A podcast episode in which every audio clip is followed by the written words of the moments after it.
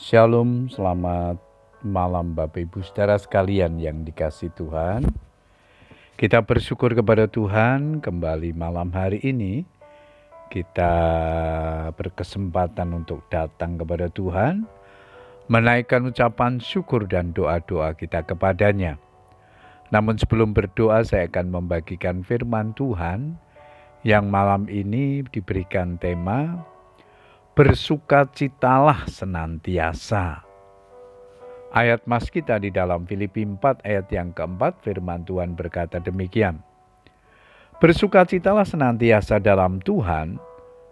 Sekali lagi kukatakan bersukacitalah. Bapak Ibu Saudara sekalian, hari-hari ini banyak orang mengalami kekhawatiran dalam hidupnya disebabkan karena keadaan dunia yang serba tidak menentu dan penuh dengan berbagai guncangan di segala aspek. Karena dikuasai oleh kekhawatiran, maka hilanglah sukacita dalam diri seseorang. Mungkin bibir kita masih bisa tertawa atau tersenyum, tetapi sesungguhnya hati bisa saja merana. Kekhawatiran adalah pencuri sukacita yang terbesar.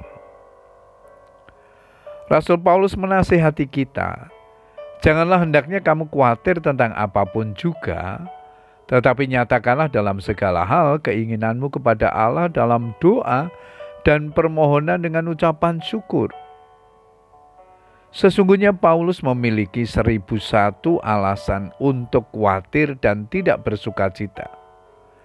Karena pada saat itu, pada saat menuliskan surat Filipi ini, ia sedang berada di dalam penjara dan juga sedang menunggu eksekusi hukuman mati yang akan dilaksanakan terhadapnya.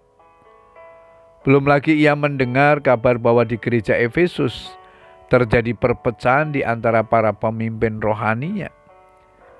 Kesemuanya itu berpotensi membuatnya tidak bersuka cita tetapi ia justru dapat berkata, Bersukacitalah senantiasa dalam Tuhan.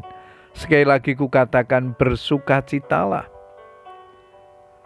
Apa rahasia hidup Paulus yang dalam kondisi sangat memprihatinkan, tetapi tetap mampu bersukacita?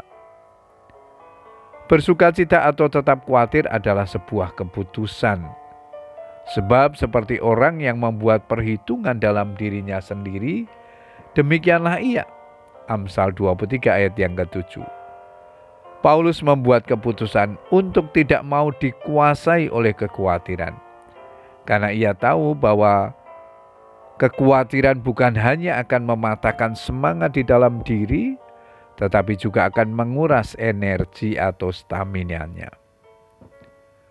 Bukankah hati yang tidak bersuka cita memicu terciptanya berbagai penyakit alias mengganggu kesehatan kita?